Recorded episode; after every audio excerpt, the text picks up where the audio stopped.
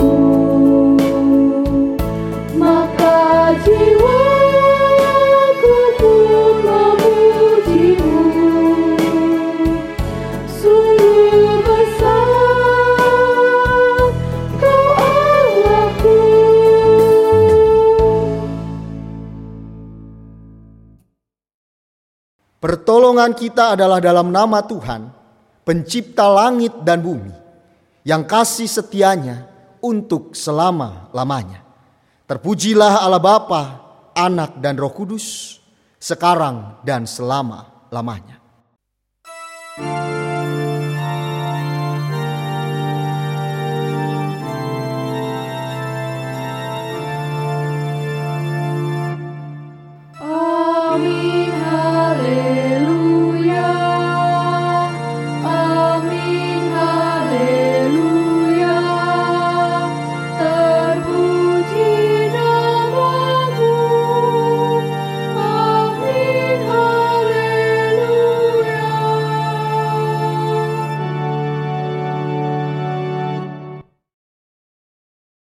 Kasih karunia dan damai sejahtera dari Allah Bapa dan dari Tuhan kita Yesus Kristus menyertai saudara sekalian.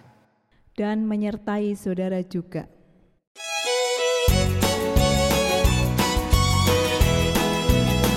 Jika padaku ditanyakan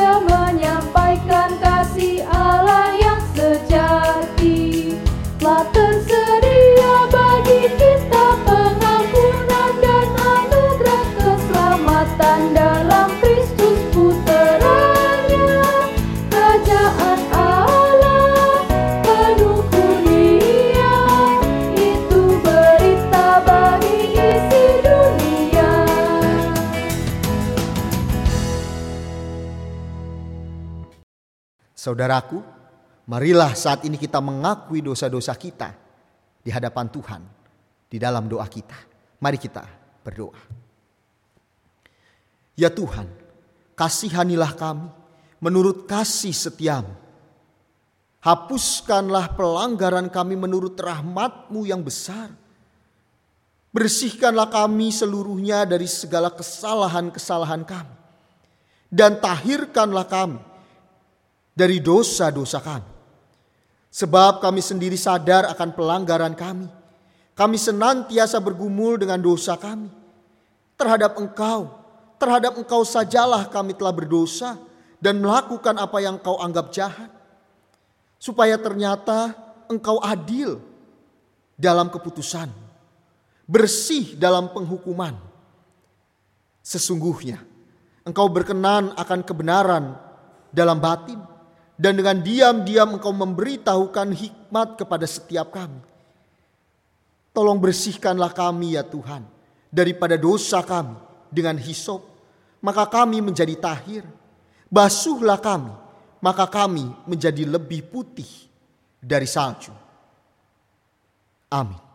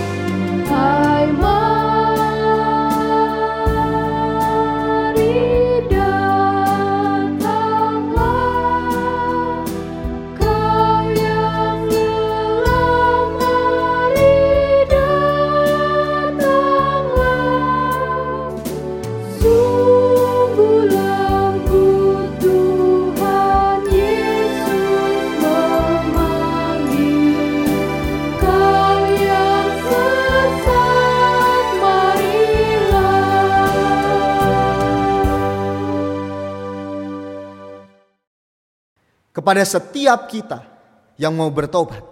Berita anugerah terambil dari Mazmur 103 ayat 10 sampai 12. Tidak dilakukannya kepada kita setimpal dengan dosa kita dan tidak dibalasnya kepada kita setimpal dengan kesalahan kita, tetapi setinggi langit di atas bumi.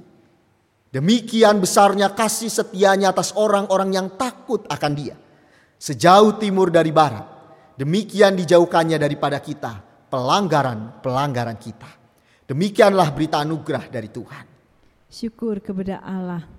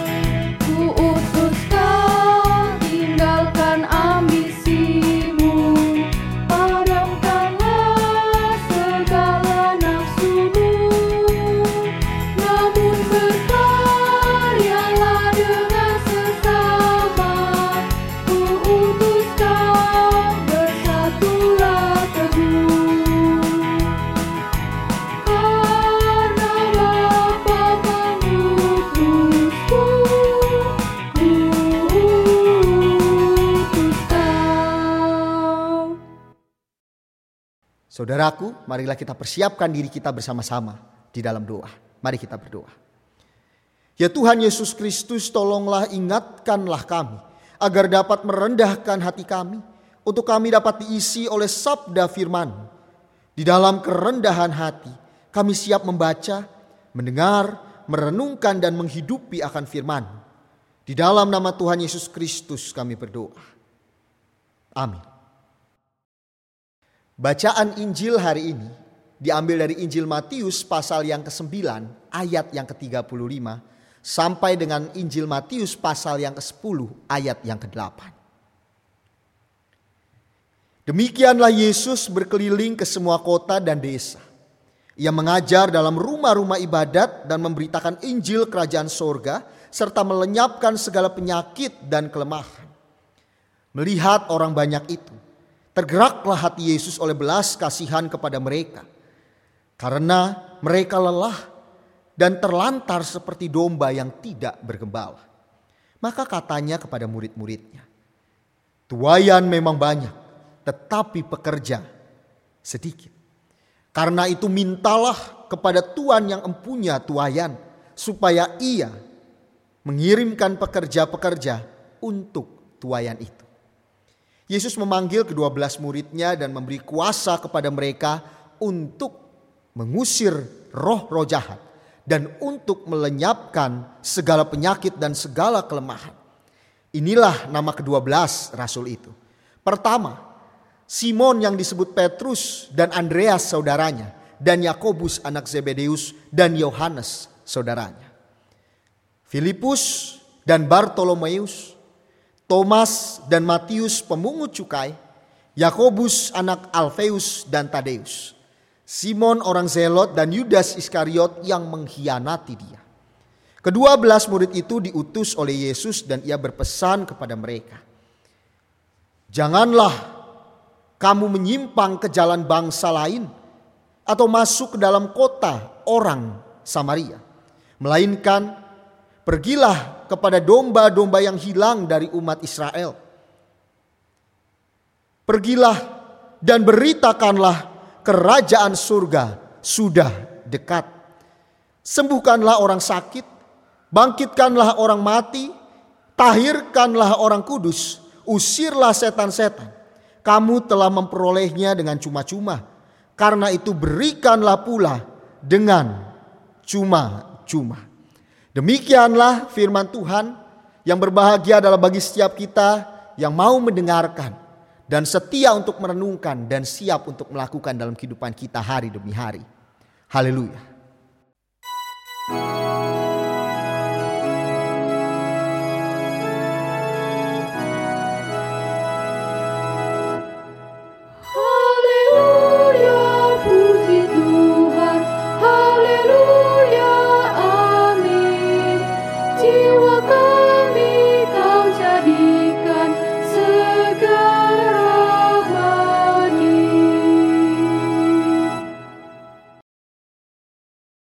Diutus menghadirkan tanda kerajaan Allah.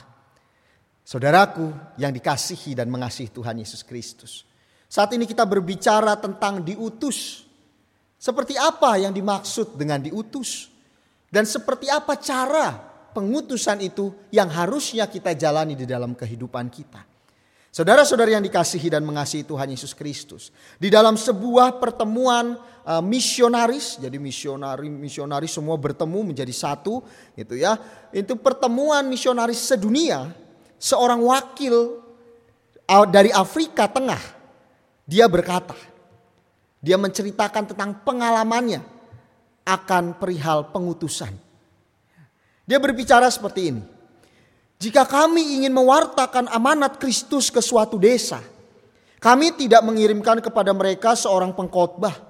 Kami tidak mengirimkan kepada mereka buku-buku nyanyian. Kami tidak mengirimkan kepada mereka Alkitab-Alkitab tidak. Kami memilih untuk mengirimkan keluarga. Keluarga-keluarga Kristen yang baik untuk pergi dan tinggal di tengah-tengah mereka. Di satu desa di mana di sanalah tempat untuk ladang untuk misionari mereka. Mengapa? Karena dengan itulah banyak orang yang belum mengenal Kristus bisa lebih mengenal Kristus bukan dari bacaan Alkitab, bukan dari pujian-pujian, bukan hanya sekedar dari situ, tetapi lebih kepada dari teladan kehidupan keluarga Kristen yang ada di tengah-tengah mereka. Dan apa dampaknya? Dampaknya penginjilan yang seperti ini lebih efektif dan lebih efisien dibandingkan dengan dikirimnya penginjil, buku-buku atau Alkitab-Alkitab itu semua akan dimusnahkan. Tidak terlalu berdampak. Ada dampaknya tapi tidak terlalu besar, tidak sebesar dengan mengirimkan keluarga Kristen ke tengah-tengah desa itu. Saudara-saudari yang dikasihi dan mengasihi Tuhan Yesus Kristus. Dari sini kita mau bersama-sama diajak melihat bahwa kita ini adalah utusan Tuhan. Tuhan telah memanggil kita. Kita dari manusia lama, kita dipanggil untuk masuk menjadi manusia baru. Kembali ke jalan Tuhan, kembali menjadi manusia di mana Tuhan yang menciptakan kita, manusia yang baru. Ia juga membentuk kita. Ketika kita sudah dijadikan manusia baru, ia juga membentuk kita. Kita seperti tanah liat di, tan, di tangan penjunan.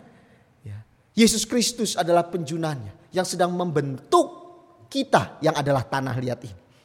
Kemudian ia juga senantiasa mengingatkan kita bahwa ia mengutus kita. Kita diberikan kepercayaan untuk bersaksi di tengah-tengah kehidupan kita. Saudara-saudari yang terkasih, seperti inilah senada dengan bahan bacaan kita di mana pada saat itu Yesus memanggil kedua belas rasul. Dan sebelum Tuhan Yesus memanggil kedua belas rasul, Tuhan Yesus di sana mengatakan kepada para pengikutnya, tuayan memang banyak, tetapi pengerja sedikit.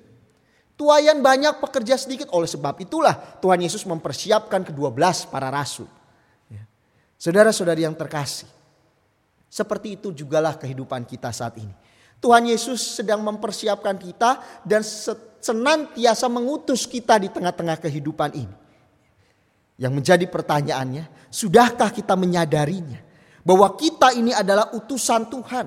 Atau jangan-jangan kita masih terbuai, kita masih terlena sebagai uh, sebutan aku ini anak-anak Tuhan, aku ini anak-anak raja, aku ini ahli waris kerajaan Allah.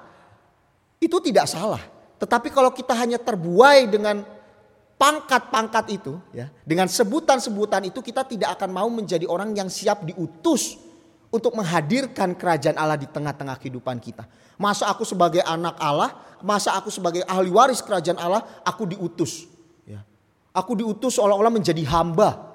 Aku nggak mau. Apakah jangan-jangan kita masih terbuai dengan panggilan-panggilan seperti ini? Saudara-saudari yang dikasihi dan mengasihi Tuhan Yesus Kristus. Di sinilah kita diingatkan. Pada hari Minggu inilah kita diingatkan bersama-sama. Kita ini diutus. Kita harusnya siap diutus karena kita adalah murid-murid Tuhan, hamba-hamba Tuhan yang siap diutus akan menebarkan cinta kasih Tuhan, mewujudkan tanda-tanda kerajaan Allah di tengah-tengah kehidupan kita. Seperti apa itu? Diutus dengan mewujudkan tanda-tanda kerajaan Allah, menghadirkan tanda kerajaan Allah di tengah-tengah kehidupan kita.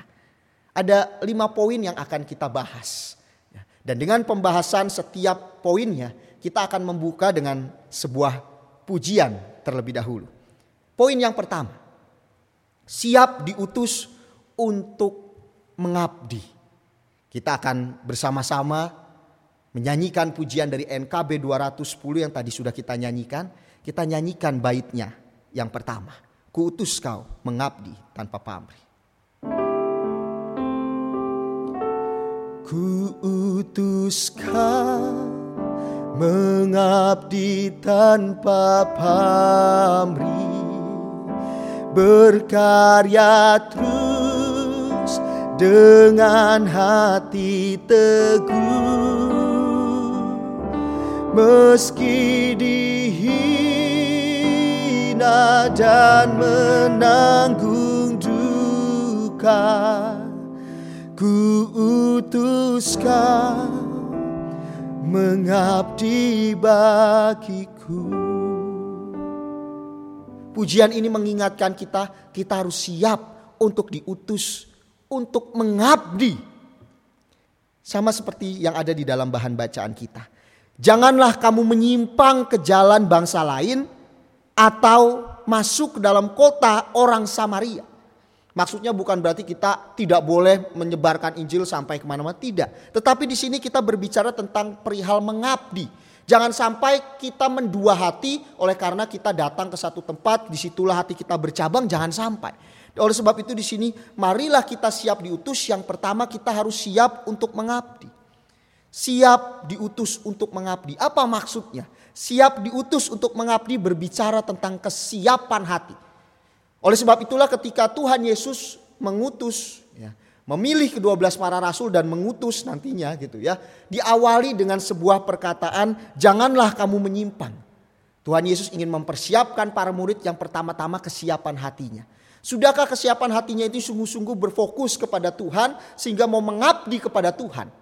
Bukannya mengabdi kepada yang lain yang ada di dunia ini. Marilah kita bersama-sama merenungkannya, saudaraku. Sudahkah saat ini kita siap untuk mengabdi kepada Tuhan kita. Diutus untuk mengabdi kepada Tuhan Allah kita. Poin yang kedua, kita juga diajak untuk siap diutus untuk berkorban. Di dalam baitnya yang kedua, kita akan bersama-sama merenungkannya. Ku utuskan membalut yang terluka Menolong jiwa syarat berkeluh Menanggung susah dan derita dunia. Ku utuskan berkurban bagiku. Dari pujian bait yang kedua ini, kita pun juga diingatkan bersama-sama. Kita seharusnya siap diutus untuk berkorban, menolong jiwa yang syarat berkeluh, menanggung susah dan derita dunia. Sama seperti di dalam bahan bacaan kita ada mengatakan Yesus mengatakan kepada para murid, Pergilah kepada domba-domba yang hilang dari umat umatku. Pergi kepada domba yang hilang. Kalau kita diajak untuk pergi kepada domba yang ada di kandang itu mudah. Karena mereka sudah menjadi domba penurut, kita tinggal kasih makan sudah selesai. Tetapi kita diajak untuk pergi kepada domba yang hilang. Kita harus rela berkorban. Ini berbicara tentang yang diutamakan. Kita jangan mengutamakan diri kita sendiri, tetapi lebih mengutamakan orang yang mau kita tolong. Kalau kita sebagai gembala, kita mau menolong domba yang sedang terhilang, tersesat, itu tidak mudah. Kita harus siap untuk melawan setiap rintangan, melewati setiap rintangan. Kita harus siap melawan halawan-halawan yang ada di depan kita. Walaupun mungkin kita akan terluka sekalipun. Oleh sebab itulah, ketika kita sudah mempersiapkan hati kita, kita mengabdi kepada Tuhan. Tadi berbicara tentang kita siap hati kepada Tuhan. Kemudian kita belajar siapa yang kita utamakan di dalam pelayanan kita. Bukan diri kita sendiri tetapi orang yang sedang membutuhkan. Dan saat ini marilah kita masuk ke poin yang ketiga yang selanjutnya. Lalu apa lagi yang harus kita lakukan? Kita harus siap diutus untuk berbagi kasih seperti bait yang ketiga. Ku utus kau kepada yang tersisi yang hatinya diliputi sendu. Sebatang kara tanpa handai taulah ku utus membagi kasihku Bait yang ketiga mengingatkan ku utus kau untuk membagi kasihku kita harus siap diutus untuk berbagi kasih. Seperti yang ada di bahan bacaan kita juga. Pergilah dan beritakanlah kerajaan sorga sudah dekat. Dari sini ketika Tuhan Yesus memilih para rasul dan juga mengutus para rasul. Tuhan Yesus juga mengingatkan kepada mereka ketika engkau bersaksi. Ketika engkau diutus yang engkau harus lakukan adalah memberitakan kerajaan sorga. Yaitu berbagi kasih. Ada salah satu pandangan, uh, pandangan yang melihat bahwa uh, Tuhan Yesus datang ke dunia. Tuhan Yesus datang ke dunia itu juga untuk membalut atau menyembuhkan luka-luka hati kita. Karena setiap orang yang ada di dunia ini memiliki luka di dalam hatinya. Oleh sebab itulah inilah juga salah satu tugas kita. Ketika Tuhan Yesus sudah naik ke surga, yang memberikan roh kudus kepada kita. Inilah saatnya bagi kita untuk bersaksi dengan membalut yang terluka. Kita dengan bersama-sama mau hadir kepada orang yang sedang sedih. Kita berbagi kasih, mengingatkan, menegur, peduli, dan yang lainnya. Saudaraku yang terkasih. Kemudian apalagi yang harus kita lakukan? Marilah kita bersama-sama melihat bahwa kita juga harus siap diutus untuk bersatu teguh. Jangan sendiri-sendiri tetapi bersatu teguh. Seperti yang ada di dalam bait yang keempat. Kuutus kau tinggalkan ambisimu. Kuutus kau tinggalkan ambisimu. Padamkanlah segala nafsumu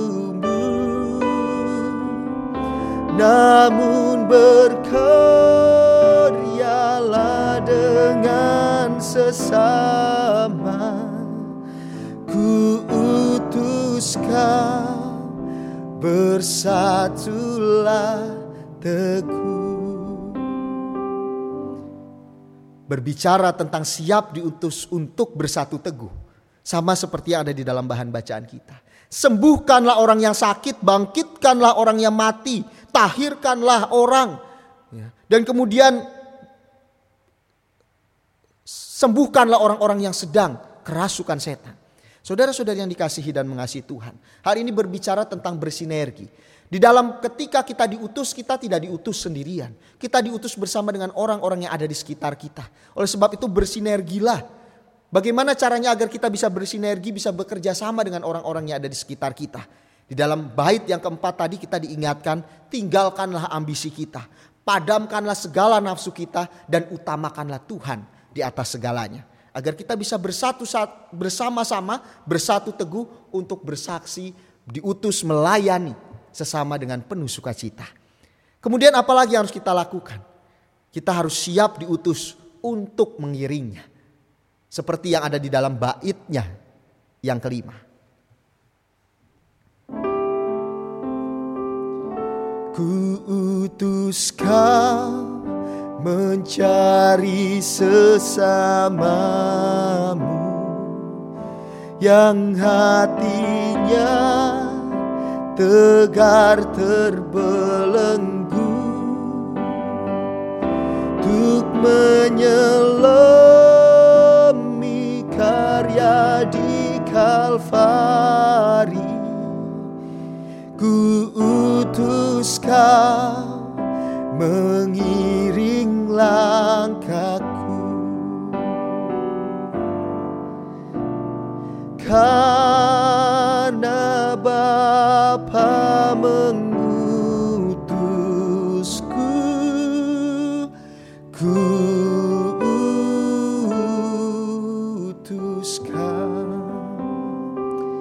Saudara yang terkasih, di bait yang kelima ini kita diingatkan, marilah kita mengiring Tuhan di dalam setiap langkah hidup kita.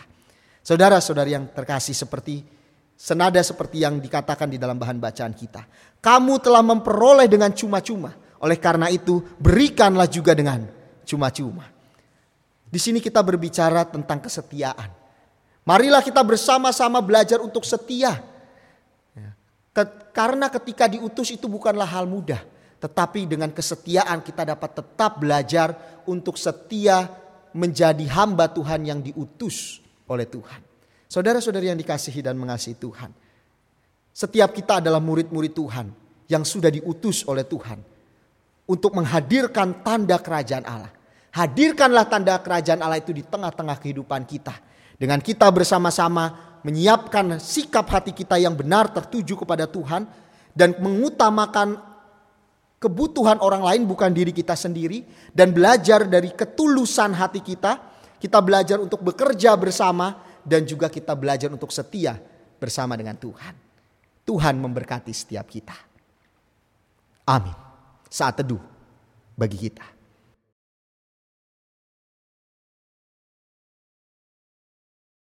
Marilah kita bersama dengan umat Allah di masa lalu, masa kini, dan masa depan mengingat pengakuan pada baptisan kita menurut pengakuan iman rasuli.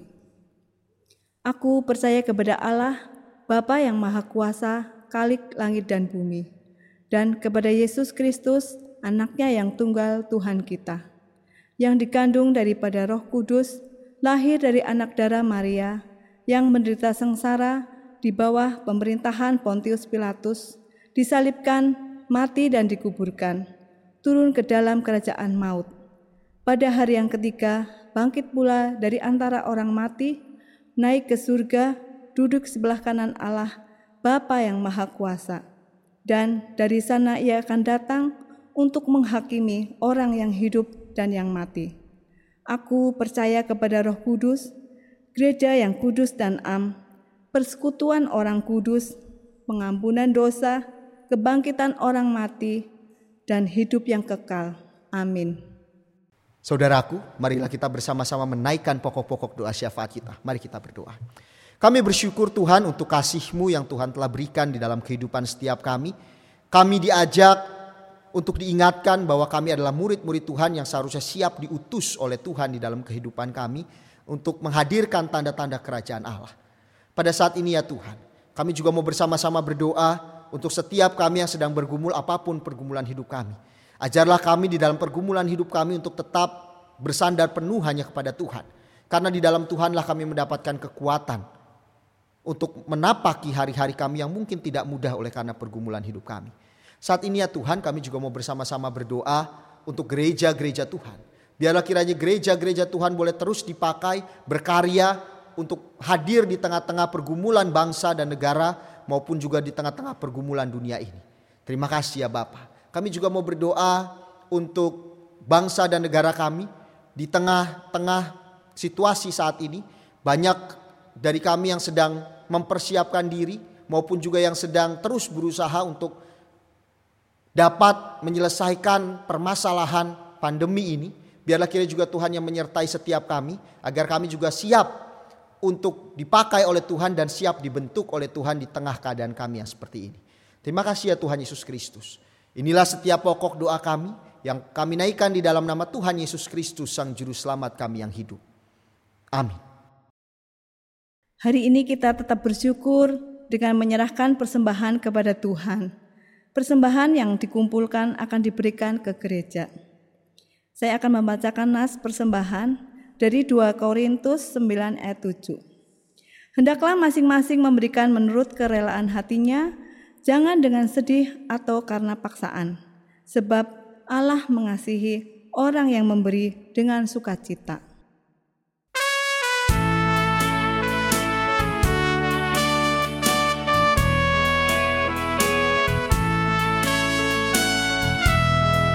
Syukur adamu atas segala rahmatmu. Syukur atas kecukupan dari kasihmu penuh. Syukur